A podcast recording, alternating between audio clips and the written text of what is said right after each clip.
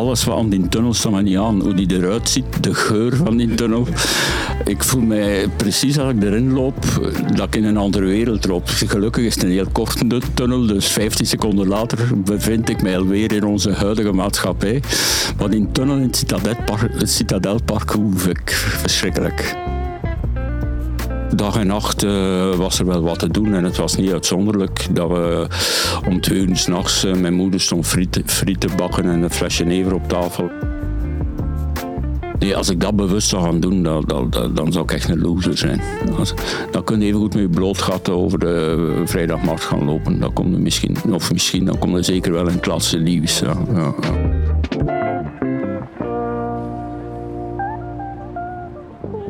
Herman Brusselmans schrijft boeken. Beter, Herman Brusselmans schrijft veel boeken. Vaak twee per jaar. Hij is wat je gerust een veelschrijver kan noemen. Want naast boeken schrijft hij ook nog tal van columns. En toch heeft hij nog tijd om naar Love Island te kijken en te mijmeren over het leven straks, met kind. Hij vertelt over zijn jeugd, zijn liefde voor voetbal, de stad Gent, vlees en nog veel meer.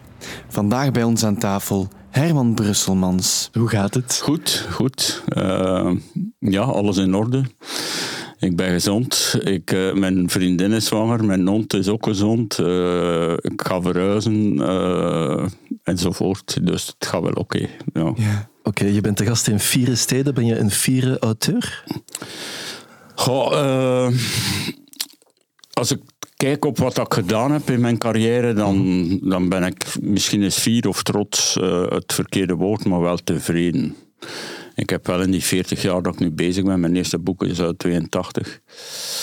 Uh, ja, had ik waarschijnlijk niet veel meer of beters kunnen doen dan wat ik gedaan heb. Ja. Je schrijft al meer dan uh, eh, 40 jaar boeken, maar je doet ook heel veel dingen daarnaast. Moeten we jou dan een schrijver noemen, een media Ja, in deze plaats, nee, in deze plaats een schrijver.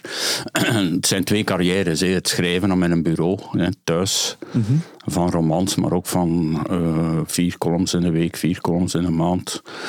Opdrachten uh, binnen de literatuur of over allerlei onderwerpen. En dan, ja, dat mediafiguur komt erbij. Ik ben er zo wat, wat in. Vooral uh, begin jaren negentig met het uh, tv-programma Het Huis van Wantrouwen. Mm -hmm. Dat is natuurlijk ook al dertig jaar geleden, maar dat is wel wat blijven doen. Men is mij blijven vragen voor, voor allerlei toestanden, zowel op radio als op tv. En op een duur worden dan een soort van mediafiguur. Ik heb daar wel op een bepaald moment uh, wat moeten over nadenken. In die zin dat ik niet wou dat het de mediafiguur de schrijver zou ondersneeuwen. Maar ehm, ik ben altijd blijven schrijven. Dus het is niet dat ik gezegd heb op een bepaald moment ik wil alleen nog tv doen of zo. Ik ga stoppen met schrijven. Nee, ik ben altijd blijven schrijven. Dus noem mij gerust een schrijver. Ja. ja. Oké. Okay. Rick Honings, Nederlands auteur en professor, schreef een biografie over ja. uh, je leven. Met de opvallende titel Major van het menselijk leed.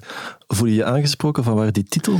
Ik heb dat een paar keer gebruikt in, uh, in mijn boeken. En dat was een beeld dat ooit gebaseerd was op een droom van mij. Mm -hmm dat ik uh, als majoor van uh, een legerbataljon uh, de concentratiekampen zou bevrijden. Okay. Dus ik, sommige militairen hebben dat effectief gedaan. -huh. en er zijn de eerste Canadezen, de eerste Russen, de eerste Amerikanen zijn ooit aan de poorten van die Duitse concentratie, concentratiekampen geweest om die mensen die er nog in leven waren te redden. Dus zo zou ik mezelf als een majoor hè, ik heb mezelf niet als generaal gezien of kolonel, dat is misschien iets te hoog gegrepen.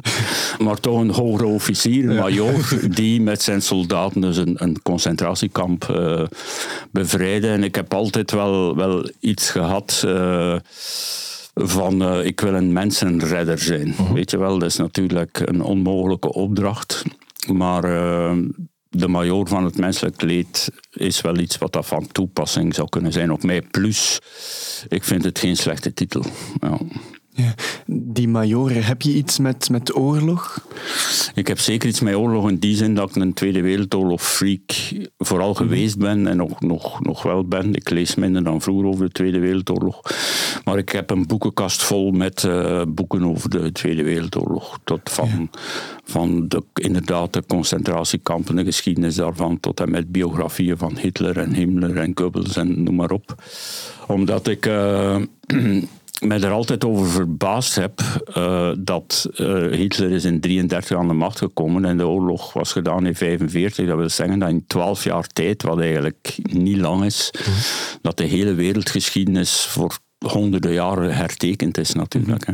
Hoe dat een aantal idioten dat zo kon organiseren, dat, dat ze bijna de hele wereld in brand hebben gestoken, dat heeft mij altijd geïntrigeerd en verbaasd. En daarom ben ik er heel veel beginnen over lezen. Plus, ik ben van 1957 dus mensen uit mijn jeugd hadden allemaal de oorlog meegemaakt. Mijn ouders, mijn grootouders zeker, die hadden zelfs twee wereldoorlogen meegemaakt.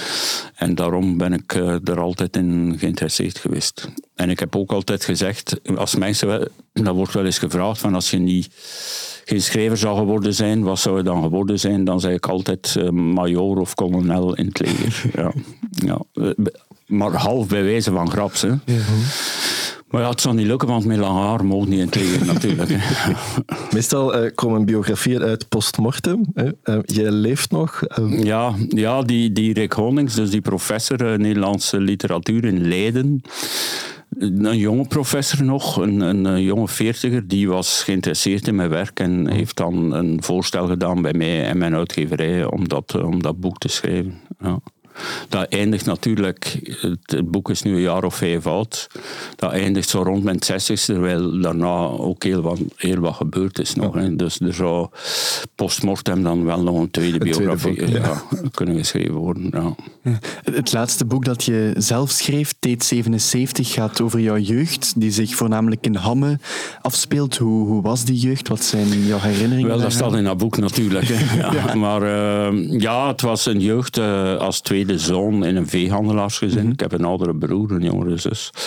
Mijn vader was veehandelaar en dat was een keihard milieu. Hè. Dat is 24-7. Uh, je werkt met levende dieren. Die moeten verzorgd worden, die koeien die kalven, uh, koeien die ziek worden. Uh, dus de, de veemarkten waren s'nachts, uh, slachthuizen bezocht als achtjarig jongetje. Dus het was eigenlijk een keiharde jeugd met een vader die redelijk gestresseerd was altijd en redelijk agressief. Maar achteraf kijk ik er wel mee een zekere weemoed naar terug. En T77 was het adres in Hamme, de straat heette Teet, nummer 77.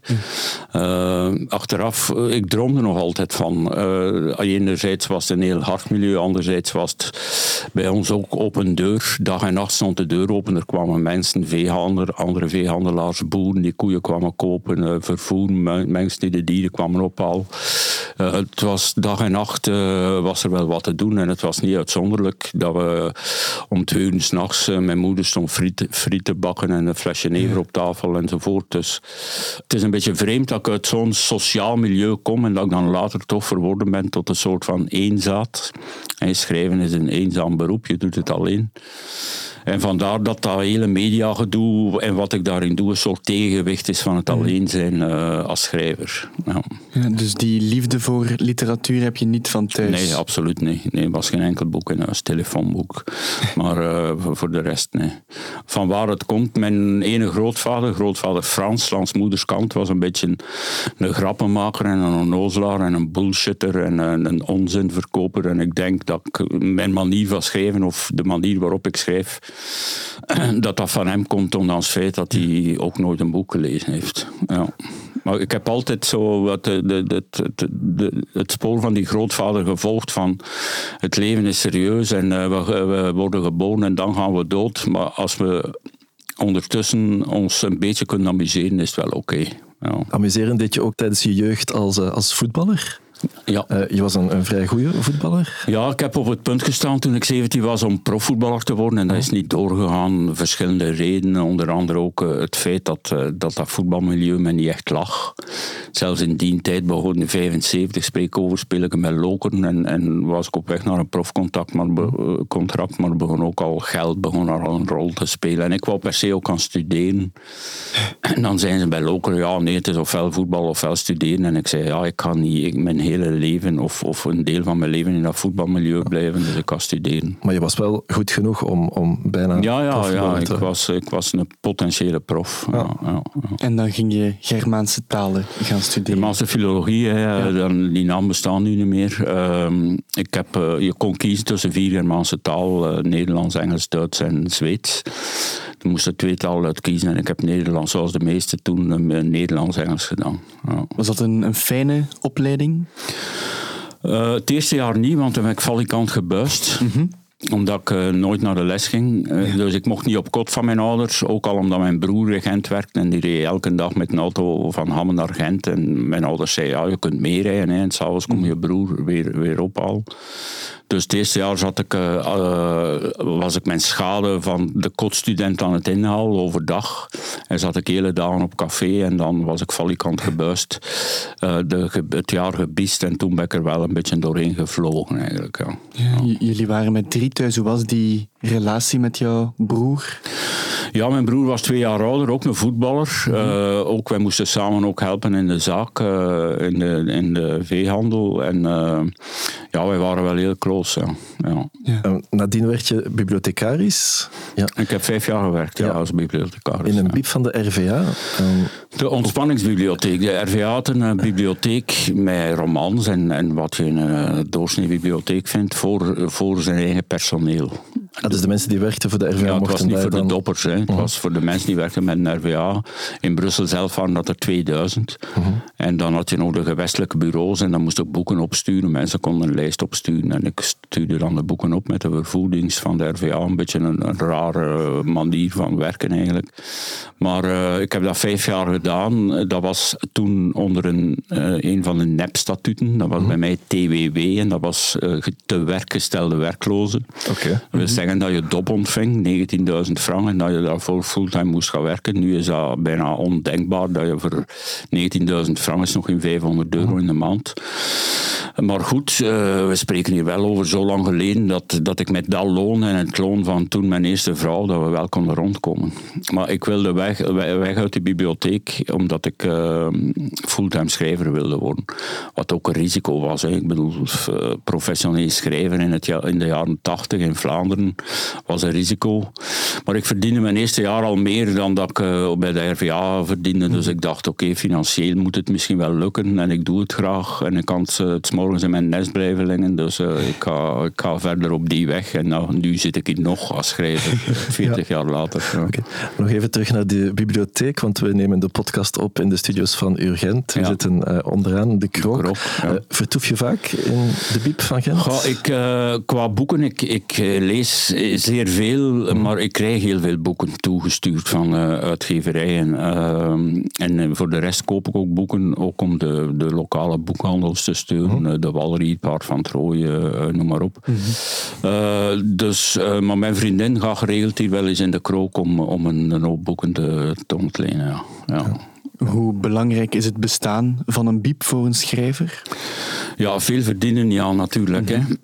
Maar het is wel goed dat, uh, dat ook voor mensen die, die, Kijk, een roman van 25 euro kan voor sommige mensen te duur zijn. Ja.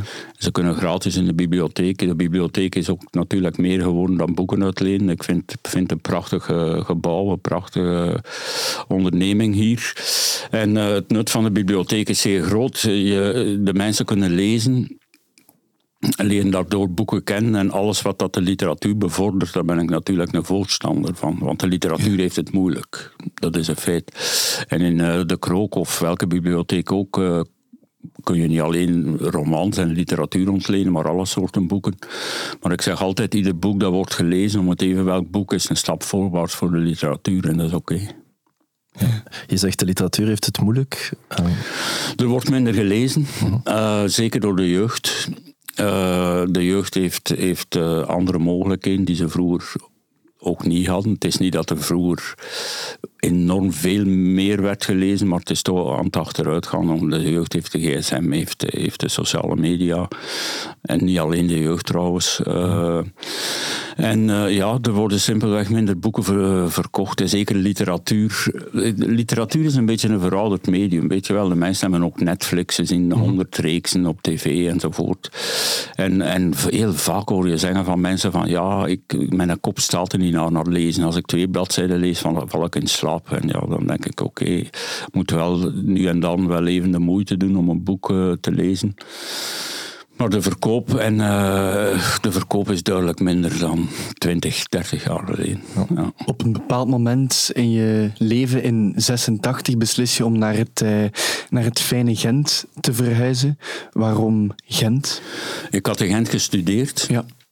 Ik ben dan getrouwd. Hè. Ik, uh, ik, ik, woonde thuis in Hamme. Ik ben dan getrouwd met mijn eerste vrouw. die was van Idderhem. Mm -hmm. Is tussen Ninove en Teralfen en zo, die kanten. En we mochten gratis wonen in het huis van mijn, in huis van mijn schoonvader, die weduwnaar was, een groot huis in Innergem. Dus om, en omdat we een beginnend koppel waren, die niet veel verdienden, mochten we gratis wonen. Maar ik voelde mij daar ook helemaal niet thuis. Uh, ik, wou, ik wou groter wonen. Ik bedoel niet qua huis, maar qua ruimte. Mhm. En ik wou dus in een stad wonen. En toen ik studeerde, had ik al een, een soort van band met Gent. En toen ik in Nederland woonde, wist ik eigenlijk elk moment van dag dat ik ooit en liefst over niet zo lang zou verhuizen naar Gent. En dat, uh, ik heb in Nederland gewoond van 81 tot 85, uh, tot 86 en dan zijn we naar Gent komen wonen.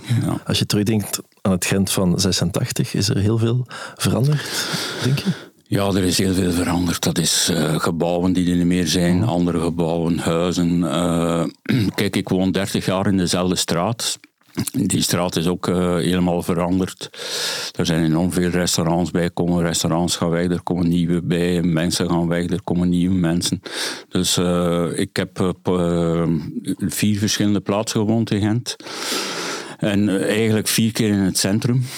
Uh, in de eerste keer in de studentenbuurt, ik kan de naam van de straat niet noemen, maar de eerste keer in de studentenbuurt, dan in de buurt van de Kinepolis.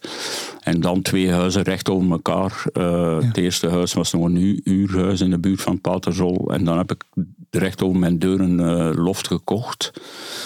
Maar uh, die heb ik nu verkocht omdat uh, in die loft is, uh, zijn geen aparte slaapkamers. -hmm. En met het kind op komst. Of dan hebben we nu een huis gekocht en de loft verkocht. En nu woon ik iets buiten het centrum. En het zal mij raar doen, want ik, ik heb 30 jaar in dezelfde straat gewoond. Dus, ja. Ik heb nu al heimwee naar die straat, maar misschien valt het wel mee in dat nieuwe huis ook. Ja. Vind je, vind je Gent een, een, een oké plek om een, een, kind te laten opgroeien? Ja, je kunt zeggen, een kind heeft ruimte nodig. Je mhm. kunt, veel mensen die een kind hebben, of, of meerdere kinderen, die gaan op een bepaald moment in de rand van Gent wonen, mhm. of, eh, of echt op de buiten gaan wonen, omdat ze een huis hebben in een tuin enzovoort. Maar dat wil niet zeggen dat er in een stad geen kinderen kunnen geboren worden of niet kunnen op, opgroeien. Het heeft ook zijn voordeel. Hè. Je hebt alles dichtbij, uh, ook de crash en, en, en apotheken en winkels en nachtwinkels. Mhm. dus... Uh, ik denk uh, dat wel zal meevallen om dat kind in, in Gent op te voeden. Zeker omdat we nu, dat nieuw huis is redelijk groot. Daar is een tuintje bij, daar is een terrasje op het eerste verdiep. Dus die kleine zal wel uh, zijn plan kunnen trekken in Gent. Ja. We maken met Vieren Steden een alternatieve, niet-toeristische stadsgids van Gent. Heb jij een plek die daar absoluut in moet, waar je mooie herinnering aan hebt? Uh, ik zit in de zomer vaak als ik eens buiten ga om... meestal blijf ik binnen, maar als ik eens buiten ga om om helemaal op mezelf uh, een beetje te contempleren, een beetje te zitten nadenken, ga ik altijd op een bankje zitten uh, op het kaatspelplein. Ken je dat? Nee, nee totaal niet. Dat is, in de dat is een klein pleintje waarin ook, uh, waaraan ook een parkje verbonden is. Mm -hmm. Het is in de, in de buurt van het Sluizenpark. Uh, en dat is zo'n klein, klein pleintje waar dan mensen wonen en, uh, en waar dat kinderen voetballen. En er staan een paar bankjes en daar ga ik dan zitten, s'avonds om een uur of tien in de volle zomer, in de schemering. En daar zit ik dan wat na te denken. En dat is inderdaad een onontgonnen plekje in Gent. Ja. ja. ja. Nadenken over nieuwe boeken of nadenken ja, over... boeken uh, over, over de wereld, over wat er aan de hand is uh, in, mijn, in mijn leven, leven van, uh, de levens van andere mensen, mensen die ik ken, de oorlog in Oekraïne, voor zover die nog niet gedaan is, enzovoort. Dus over alles. Ik ben, en dat hoort bij mijn, mijn beroep, ik ben een soort van nadenker ook wel. Ja. Mm -hmm. Ik denk veel, laat ik het zo zeggen. Yeah. Soms is het niet altijd zinnig en nuttig, maar goed. Uh, de tijd passeert ermee zonder dat u, zonder dat u iets kost. Hè. En je schrijft die gedachten vaak neer. Je schreef een boek een tijd geleden. Hij schreef te weinig boeken. Ja. Is dat zo? Heb je dat Ja, dat was als je 85 boeken geschreven hebt en je mm -hmm. 86e heet hij schreef te weinig ja. boeken, dan is het dan... lichtelijk ironisch bedoeld. Ja. Maar goed, dat boek was... Het is trouwens een boek van 835 mm -hmm. bladzijden. Het, is een, het, is, en het gaat over het eerste jaar van mijn... Uh, van mijn relatie, mijn toenmalige nieuwe relatie met Lena, met wie ik nu nog altijd uh, samen ben. We hebben dus samen dat kind uh, opkomst. En uh, ja, die titel had ik al een tijd liggen. Ooit zou ik die wel eens gebruiken voor een boek. En ik heb, dat dan, ik heb die titel dan gebruikt voor dat dikke boek. Ja. Vele auteurs, de meeste auteurs, doen, doen jaren over één boek. Hoe komt dat verschil? Omdat ik heel snel schrijf. Mm-hmm. Ten eerste, ik doe het graag en ik doe het snel. En uh, ik zeg altijd, als je twee bladzijden per dag schrijft, wat er toch niet veel is, dan heb je 720, 730 bladzijden per jaar. Dat zijn, mm-hmm. dat zijn twee boeken of een heel dik boek. Dus, uh, en twee blad, bladzijden per dag is voor, mij, is voor mij weinig. Ik bedoel, ik schrijf ook uh, columns, en dat is telkens twee bladzijden. Dus ik schrijf meer per dag dan de meeste schrijvers waarschijnlijk. Ja. Ja. Je bent dus een gedisciplineerd schrijver. Je gaat echt gaan werken. Ja, maar ik werk me eigenlijk ook niet kapot. Hè. Omdat ik zo snel schrijf, heb ik ook tijd om, om andere dingen te doen. En dat is vaak gewoon niks.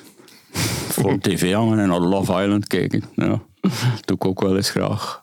Guilty pleasures noemen ze dat. Maar ik, ja. ik ga ook vier keer samen of met mijn vriendin of alleen met een hond wandelen en zo. En nu komt dat kind erbij. Dus ik, heb, ik heb tijd genoeg om fulltime te schrijven en, daarna, en daarnaast fulltime andere dingen te doen. Ja. Ja. Is er een, een, vast stramien? Is er een, een nee. moment van de dag waarop je nee. beter schrijft? Vroeger was ik echt puur een nachtschrijver. Mm -hmm. Maar dat is ook nacht. Ja, omdat de nacht duurde dan bij mij tot half zeven 's morgens ging ik pas slapen. Maar dat was vaak in de periode dat ik vrijgezel was en dat ik niemand stoorde daarmee. En nu is het zo ongeveer twee uur, half drie dat ik ga slapen. Maar natuurlijk met kind zal heel mijn leven veranderen. Het leven van mijn vriendin, maar ook dat van mij natuurlijk. Ja. Je put voor jouw boeken vaak inspiratie uit jouw eigen leven. Soms verzonnen personages die bepaalde zaken uit jouw eigen leven leven. Soms gewoon jij. Is dat, is dat makkelijk zo je eigen leven neerpennen? Ja, ja, ik heb inderdaad twee soorten boeken. De, de autobiografische, en die zijn dan autobiografisch voor 60% ongeveer. Mm-hmm. En dan de puur uh, fictieve boeken, waarbij dat ik personages creëer die soms zelfs heel ver van mij afstaan. Maar ik heb nooit geaarzeld om over mijn eigen leven te schrijven. Het is tenslotte het leven dat je het beste kent. En het is hoe je het aanpakt. Hè. Je, kan, je, je, je kan heel serieus over jezelf schrijven. Je kan een soort dagboek gaan schrijven. Maar ik uh, verzin veel. Uh, ik zit daarom dat ik zeg, zelfs mijn autobiografieën zijn maar voor 60% de waarheid. Weet je wel. Ja. De rest is gefantaseerd. T77 over mijn jeugd is ook ten dele de waarheid, maar ook voor een groot stuk bij, bij elkaar gefantaseerd. Kijk, ik ben een fantast. Uh, uh, de pure waarheid, wat dat er gebeurt, dat interesseert me weinig of niks. Toch niet als materiaal voor mijn schrijverij.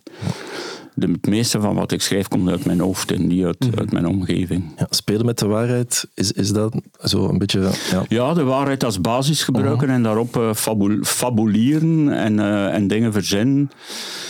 Zonder dat het science fiction wordt of zonder dat het uh, totaal naast de kwestie is. Uh, kijk, ik, mijn boeken zijn bijna allemaal fictief of niet gesitueerd in Gent. Mm-hmm. Hè. Waarom? Omdat ik dat het beste ken. Oh. En dan nog, als ik dan schrijf, hij woonde in de Serpentstraat nummer 42, ga ik niet in de Serpentstraat controleren wie dat er woont of, of, dat er zelfs een nummer 42 is. Dat is. Er zijn lezers die wel eens zeggen, ja, je had het daar over de Anton Carrière aan, maar die, die nummer 182, maar dat nummer bestaat niet. Dan denk ik, ja, fuck it, weet je wel. Of dat dan bestaat of niet, dat interesseert me niet. Maar op zich gebruik ik ook wel elementen van Gent. niet alles, zoals ik elementen uit mijn eigen leven gebruik en ook niet alles. Ja. Ja. Ten slotte ben je ook voor een deel een privépersoon natuurlijk. Ja. ja. absoluut. Is Gent een dankbare plek om te fungeren? Voor mij wel om te fungeren als, als, als bewoner en om te fungeren als, uh, als uh, schrijver. Ik ben wel zot van Gent. Het, heeft, het is een stad, het is geen kleine stad, maar het is ook geen grote stad of wereldstad.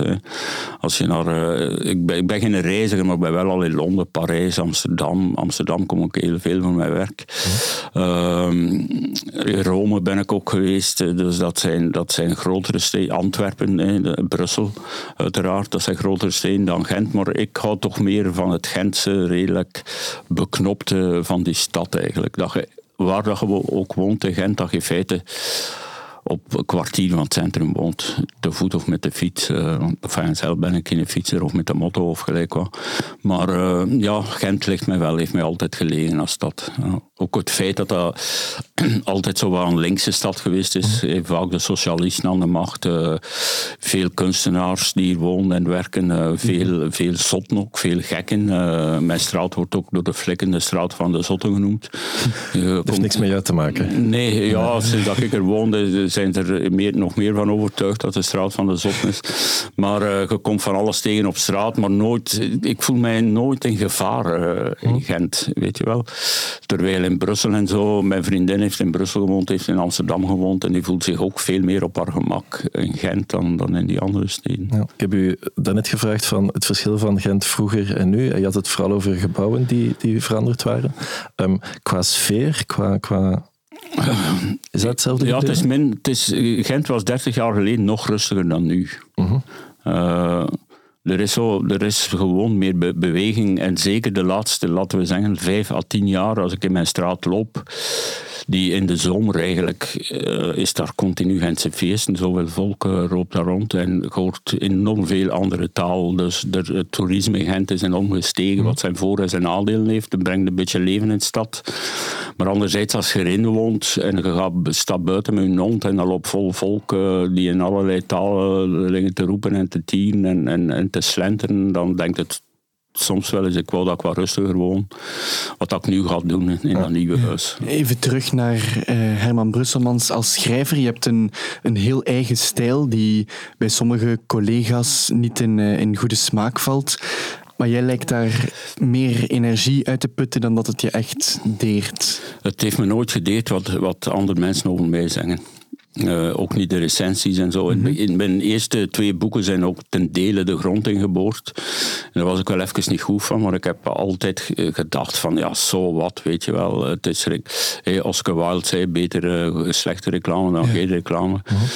Dus ik ben altijd wel in de picture geweest als schrijver. Dat is iets wat vermindert. Uh, de laatste vijf, zes jaar eh, had ik ook het ene boek na het andere. Daar was veel minder aandacht voor. Dat was altijd zo, hij is daar weer mee een boek. En het is boek nummer 70 en boek nummer 75 enzovoort.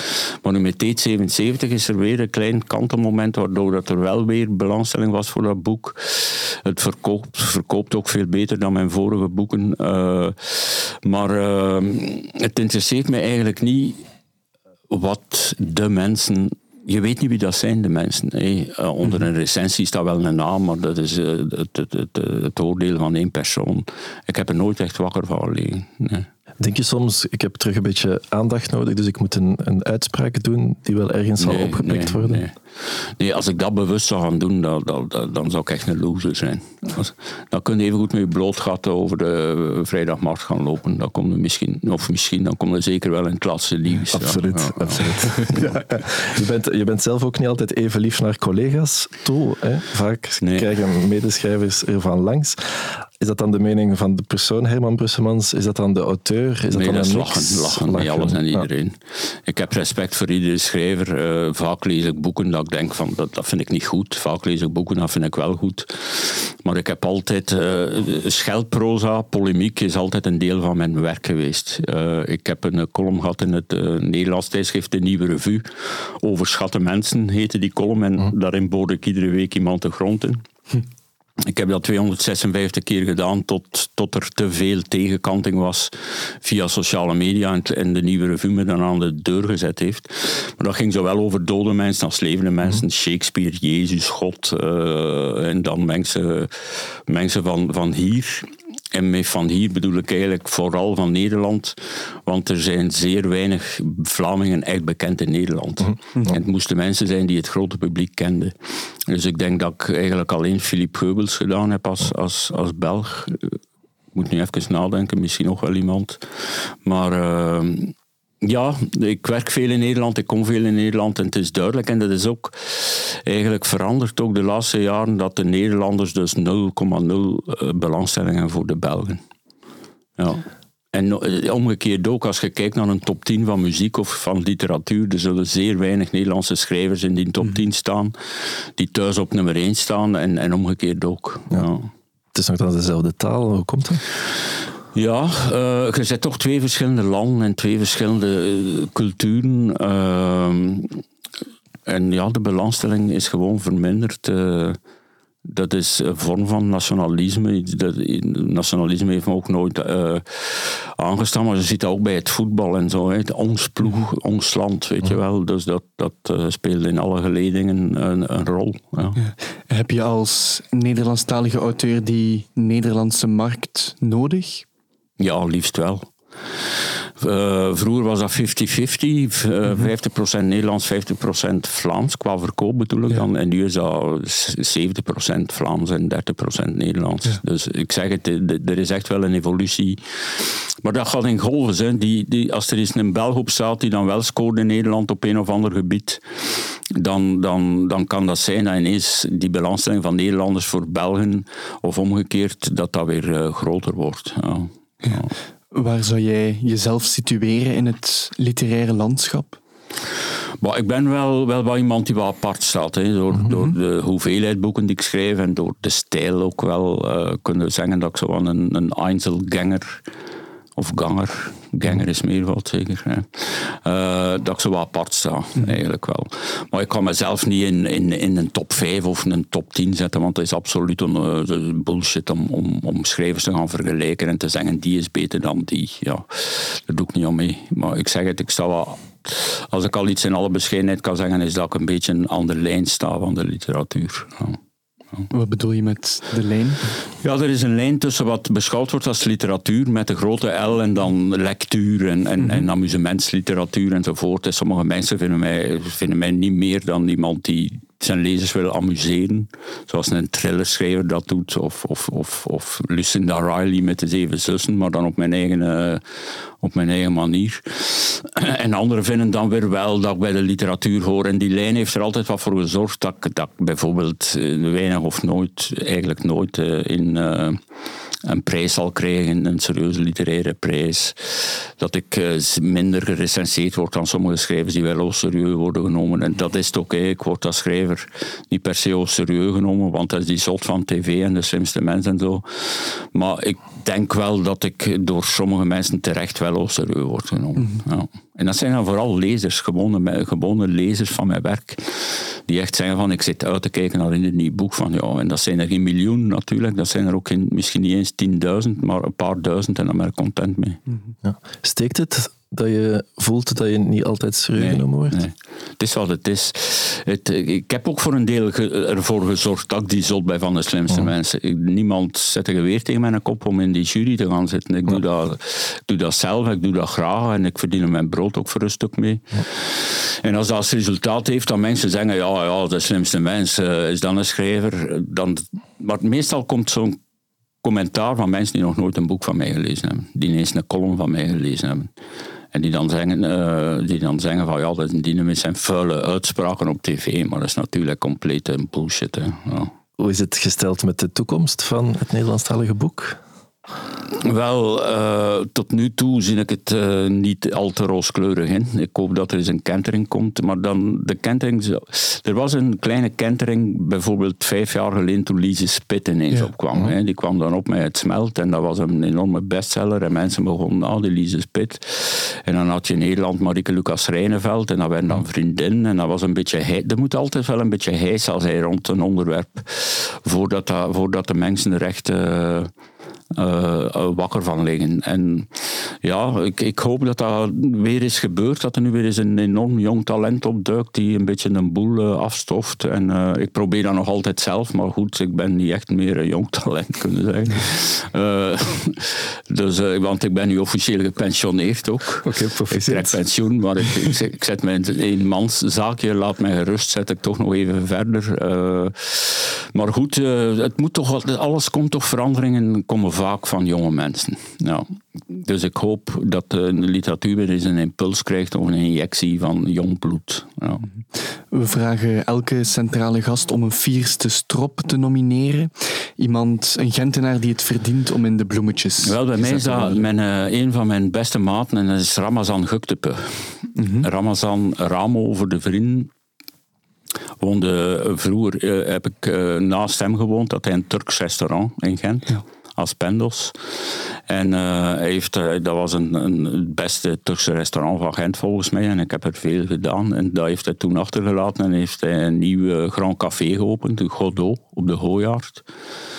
En Ramo is niet alleen mijn beste maat, en het is ook een, het is ook een Gentenaar. Hè. Hij was is, denk ik op drie of vierjarige leeftijd uit Turkije naar, naar Gent gekomen. En, en, en het is geen platte Gentenaar, hè. Het is, uh, maar het is, hij heeft het allemaal in zich. Hij is, is uh, van, van allochtoonse komaf, hè. voor zover je dat woord nog mag gebruiken. Maar het is echt een pure Vlaming ten mm. eerste. Uh, hij, is, hij, heeft natuurlijk ook wel die Turkse roots, en, en de, waardoor dat ik dankzij hem ook, uh, en ik woonde dan niet ver van de sleepstraat, in die Turkse cultuur en die Turkse mensen een beetje in thuis ben geraakt. Hij is grappig, hij is leuk, uh, het is een goede maat uh, en hij, zorgt met Godot ongelooflijk goed voor zijn klanten. hij is zowel geliefd in de Turkse als in de Vlaamse maatschappij, dus dat is, dat is mijn favoriete Gentenaar eigenlijk. Ja. Ja, als jij je, je hoofd wil leegmaken of juist wil gaan nadenken en nood hebt aan een goed aperitief, dan trek je naar... Ja, Ramos stuurt mij geregeld een, eh, een, een berichtje. Ik zit op, op het terras van een Godot, kom er niet langs. En soms ben ik bezig of, of ben ik er niet. En dan, maar zoveel mogelijk ga ik eens langs om een koffietje te drinken en wat, uh, wat te zeiken tegen elkaar over, uh, over dat alles niet deugt en dat alles naar de is. En uh, daar, daar worden we weer ongelooflijk vrolijk van. Nou. ja. Is het makkelijk als, als auteur om rond te komen? Is dat een van de redenen waarom je heel veel boeken schrijft? Dat is niet per se de hoofdreden, maar laten we zeggen dat ik. Een aantal jaar uh, goed geboekt heb. Mhm. Het is nu wat minder, ik zeg het net, literatuur is wat minder. Plus uh, ook de opdracht die je krijgt, het zij voor tv, het zij voor de radio, het zij literaire lezing, wordt veel minder betaald dan vroeger. Ja. Als je vroeger, uh, ik heb jarenlang, was een aanwezigheid van mij, was de prijs 1250 euro plus btw. Mm Maar er is bijna niemand meer die dat kan of wil betalen. Ja. Ja. Het is zelfs gehalveerd wat dat je nu nog kunt krijgen. Ja. Zijn, er, zijn er auteurs die, die kunnen leven enkel van, van het schrijven van boeken? Nee. Of? In Vlaanderen kan ik niemand. Pieter Aspe kon dat. Uh, maar dat is ook met televisie. Ja, maar het kwam zelf niet op televisie. Hij, leefde van zijn boeken die verfilmd werden dan. Mm -hmm. of, uh, chef Gerards misschien ook, Hugo Claus, maar dan nog Hugo Claus deed ook lezingen en deed ook aanwezigheden overal. Ja. Dus kijk, je hebt het... Uh, 10% op een boek. Op een boek van 20 euro heb je 2 euro. Dan moet je al veel verkopen om rond te komen. Als je dan 20.000 boeken verko verkoopt, wat dat wat bijna niemand doet in Vlaanderen, heb je 40.000 euro en kun je ervan leven. Maar uh, er zijn zeer weinig mensen. Een, een een aantal mensen wordt geholpen door subsidies. Mm -hmm. Die krijgen dan 9000 euro of 12.000 euro om een nieuw boek te gaan schrijven. Maar ik geloof daar ook niet in. Een bakker die slecht boekt, krijgt ook geen subsidies. Weet je wel? Die gaat failliet omdat zijn brood niet goed genoeg is. Ehm, de subsidies, ik heb ook nooit subsidies gewild en ik heb ze ook nooit kunnen krijgen omdat ik te veel verdiende. Ja. Een andere sector in, in moeilijkheden is de muzieksector. Uh, je was zelf ook muzikant, of je bent zelf ook Ik ben altijd een amateur drummer geweest. Mhm. Ik heb in een paar bandjes gespeeld, maar ik heb niet genoeg talent om, uh, om het ver te schoppen. Ja. En zeker nu niet meer, als ik nu nog uh, moet doorbreken als drummer. Ik heb wel ooit een droom gehad, een ongelooflijke heldere droom, mm -hmm. dat Larry Mullen Jr. van uh, U2 uh, ermee stopte en dat ze mij persoonlijk kwamen vragen of dat ik, of dat ik wou invallen. Dat heb ik echt gedroomd en ik zag Bono en The Edge en Adam Clayton met z'n drieën kwamen. Larry, doe meer mee, wil jij mee drummen? En ik deed dat redelijk goed, moet ik zeggen. Hoewel dat de drumspel van, uh, van Larry Mullen bijna niet te imiteren is, dat is zo goed. Maar uh, ja, ik heb nog een drumstel staan thuis. Uh, dat zal nu in een klein in huis ook niet veel meer be bespeeld worden. Maar ik ben altijd enorm geïnteresseerd geweest in muziek, hoewel dat ik zo de laatste, het laatste decennium, wat betreft de muziek van nu, dus van vandaag, mhm. wel afgehaakt ben. Ik blijf toch een oude rocker, een oude hardrocker. Ja. En hoe belangrijk is muziek in je leven? Wel, nu gebruik ik vooral muziek via YouTube. Uh, vroeger stond de radio altijd aan, dat is niet meer het geval. Uh, ik weet niet waarom, ik, maar ik kan ook niet meer tegen luide, luide uh, muziek. Mm -hmm. Vroeger ik mijn, bij, bij, concert van om het even wie met, met een kop in de boksen gestoken hebben op het podium. Maar ik kan er niet meer tegen. Tegen lawaai, je kan er gewoon niet meer tegen en dat is oud worden. Ja. Ja, ja. Schrijf jij in, in absolute stilte? Ja, of? ook al omdat ik s'nachts schrijf en dan mm. mijn vriendin slaapt dan en de buren slapen. En, uh, ja. Wat is jouw soundtrack van Gent? Uh, A Town Called Malice. Dat is van uh, The Clash. Mm -hmm. Je hebt The Town Called Alice, hè, dat is een ja. film. En de Clash een town komt Melis, dus een stad die, die, die gevaarlijk is, wat agent in mijn ogen niet is. Maar het mag wel een randje hebben. Zo. Het, het, het, niet dat op straat moet neergestoken worden of zo, maar er mogen wel wat zotten rondlopen. Dus uh, ik ken de tekst nu niet uit mijn hoofd van het town komt Melis. Dat vind ik een goede titel. Ja, ja. Heeft Gent genoeg randje? Vind je? Ja, eigenlijk wel. Ja. Ik zeg het, je komt toch, toch er, zijn, er lopen toch mensen rond van wie je denkt, die, zijn, dat, die horen in Gent. Weet je wel, ik moet mhm. daarbij zeggen dat ik andere steden te weinig ken. Mhm. Ik heb vijf jaar in Brussel gewerkt, maar dat was in de jaren tachtig, dat is zo lang geleden. Uh, ik kom veel in Amsterdam, ik kom wel eens in Antwerpen, maar ik ken die steden te weinig om die te vergelijken met Gent. Ja. Ja. Maar Gent kan ook dood zijn. Hè. Ik bedoel, in het putje van de winter ga ik dan uh, wandelen met mijn hond om half één. Dat is de laatste wandeling, half één s'nachts. Uh, kun je ook geen kat tegenkomen. Mm. Allee, het is maar best, want mijn hond ziet niet graag katten, dus het is maar best dat je geen kat tegenkomt. Sprak hij als vlam op je. Maar ja, Gent kan stil zijn, maar Gent kan ook heel luidruchtig zijn. En, en, en je hebt de Gentse feesten, dat is niet echt mijn ding, maar zwart, er gebeurt toch wel in Gent. Ja. Maar mijn vriendin, die dus Amster, puur Amsterdams is, uit de grachtengordel in Amsterdam. Dat zijn in het centrum en die lang in het centrum, een aantal jaar in het centrum van Brussel gewoond heeft, die zegt Gent is mij iets te rustig. Maar dat vind ik net mm. niet. Ik vind Gent net rustig genoeg of onrustig genoeg om te zeggen, dit is mijn stad. Gent ziet jou ook graag, je bent alom bekend. Uh, je hebt volgens een onderzoek van de UGent zelfs 100% naamsbekendheid, wat ja, gigantisch is. Dat is meer dan uh, William Shakespeare, Hugo Claus enzovoort. Merk je dat? Ja, ik merk wel als ik op straat loop dat ik, uh, dat ik herkend word. Hè.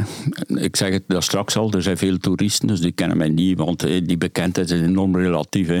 Stap de taalgrens over. In Brussel is het al 90% minder, weet je wel. Die bekendheid stapt naar Luik of zo, dat, is nog 1%, een paar verdwaalde Vlamingen die je herkennen.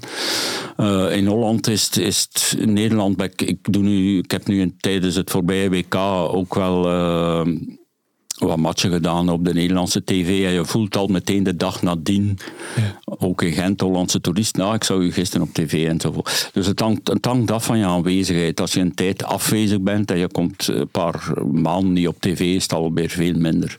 Dus die, die bekendheid is redelijk uh, relatief en zeer beperkt qua omgeving natuurlijk. Hè. Ja. Mhm. We vragen altijd aan onze centrale gast om iets um, van Gent in de vergeetput uh, te steken. Daar zit al van alles in, van stadshal tot het feit ja, dat kinderen geen lawaai meer mogen maken. Weet je waar ik niet tegen kan? Ik heb er nooit tegen gekund. Ik, uh, in mijn studententijd, als ik niet meer in met mijn broer ging met een trein en ging ik via het Citadelpark. Ik heb daar zo die uitgehouwen rots. -hmm. Ja die tunnel, die vind ik mhm. verschrikkelijk. Ik weet niet waarom. Alles wat aan die tunnel staat me niet aan. Hoe die eruit ziet, de geur van die tunnel. ja. Ik voel mij precies als ik erin loop, dat ik in een andere wereld loop. Gelukkig is het een heel korte mhm. tunnel, dus 15 seconden later bevind ik mij alweer in onze huidige maatschappij. Maar die tunnel in het Citadelpark, vind ik verschrikkelijk. We steken hem in de verheid. Okay. Je zei daar straks dat je zelf nog heel veel leest. Wat ligt er momenteel op nachtkastje? Momenteel ben ik bezig aan uh, het derde prozaboek van uh, Delphine Leconte. Mm uh, die dus uh, ja, een goede kennis is. Hè. Ze zat ja. ook lang in de slimste mens toen ik jury was, die ik daarvoor ook al kende als dichteres. En dat is, uh, dat is inderdaad iemand, ik zeg daar straks over mensen die, die, die de literatuur een impuls geven. En jonge mensen, Delphine is niet meer van de jongste, ze is 44.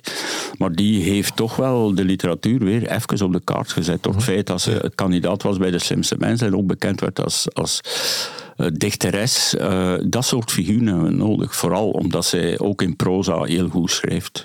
Daar ben ik nu aan, met veel plezier aan het lezen. Ja. Ja. Is het niet jammer um, dat ze wel de slimste mens nodig heeft om, om dan... Zo werkt het. Bart de Wever heeft het gepresteerd om de bekendste mhm. politicus van Vlaanderen te worden, nadat hij als een, een enorme dikzak een beetje een goede antwoorden wist in de slimste mens. Ja. Dus het is van veel mensen is dan een springplank geweest. Maar een programma, een, een tv-programma waar een miljoen mensen naar kijken, ja, dat zorgt sowieso voor bekendheid. Ja. Heb je voeling met de Gentse auteurswereld? De auteurs hebben, hebben, eh, waren dan ook in Vlaanderen niet echt voeling meer met elkaar. En ik zeg niet meer, omdat je vroeger had je literaire tijdschriften, je had mm literaire cafés, uh, mensen kwamen bij elkaar over de vloer. Ik heb een paar goede vrienden, Christophe Fekeman, uh, Tom Lanois. ja, dat is het ongeveer van de mensen die, die mij echt nou, Peter Terrin, Terrain. maar het is niet dat wij clubs vormen of zo, wat dat vroeger wel gebeurde je had de vijftigers ooit, weet je wel, die gasten zaten, zaten niet alleen bij elkaar in café, maar zaten, zaten ook op, op elkaars vrouwen en dat soort toch een beetje voor uh, ambiance en gedoe. En zo zat als een naap elkaar zitten uitscheten. Ik heb het nog net meegemaakt, jaren tachtig, maar daarna is het allemaal verminderd en zijn schrijvers echt op zichzelf bezig. Ja. Het, het kindje komt eraan, je zei daar straks, mijn leven gaat er wat, uh, wat anders uitzien sowieso. Hoe lang wil je nog die, uh, die daad van twee boeken per jaar blijven volgen? Ah, wel, het, zal nu voor de eerste keer niet zo zijn. Begin mm -hmm. volgend jaar uh, of uh, in het voorjaar van 2023 gaat er geen boek zijn, omdat ik nu echt bezig ben ja. met de zwangerschap en de verhuizing. En daarna gaat, wel weer, ga ik het wel weer oppakken. Ja. Dat is de bedoeling. Ja. ja je bent het schrijven nog niet... nee, tot ik, tot ik neerval. Ja. Simon Vestek zei ook, schrijven is toch niet moeilijk. Je kunt erbij blijven zitten. En dat, dat is zwaar. Hè. Echt kapot werken is dat niet. Nee. Herman Brusselmans, ongelooflijk bedankt voor Graag het fijne gesprek. Dag. Je luisterde naar Vieren Steden, een podcast over Gent, gemaakt door echte Gentenaars. Deze podcast kwam tot stand met de steun van Urgent FM en de stad Gent. Productie door Studio Bloos. Meer afleveringen van Vieren Steden vind je op jouw favoriete podcastplatform.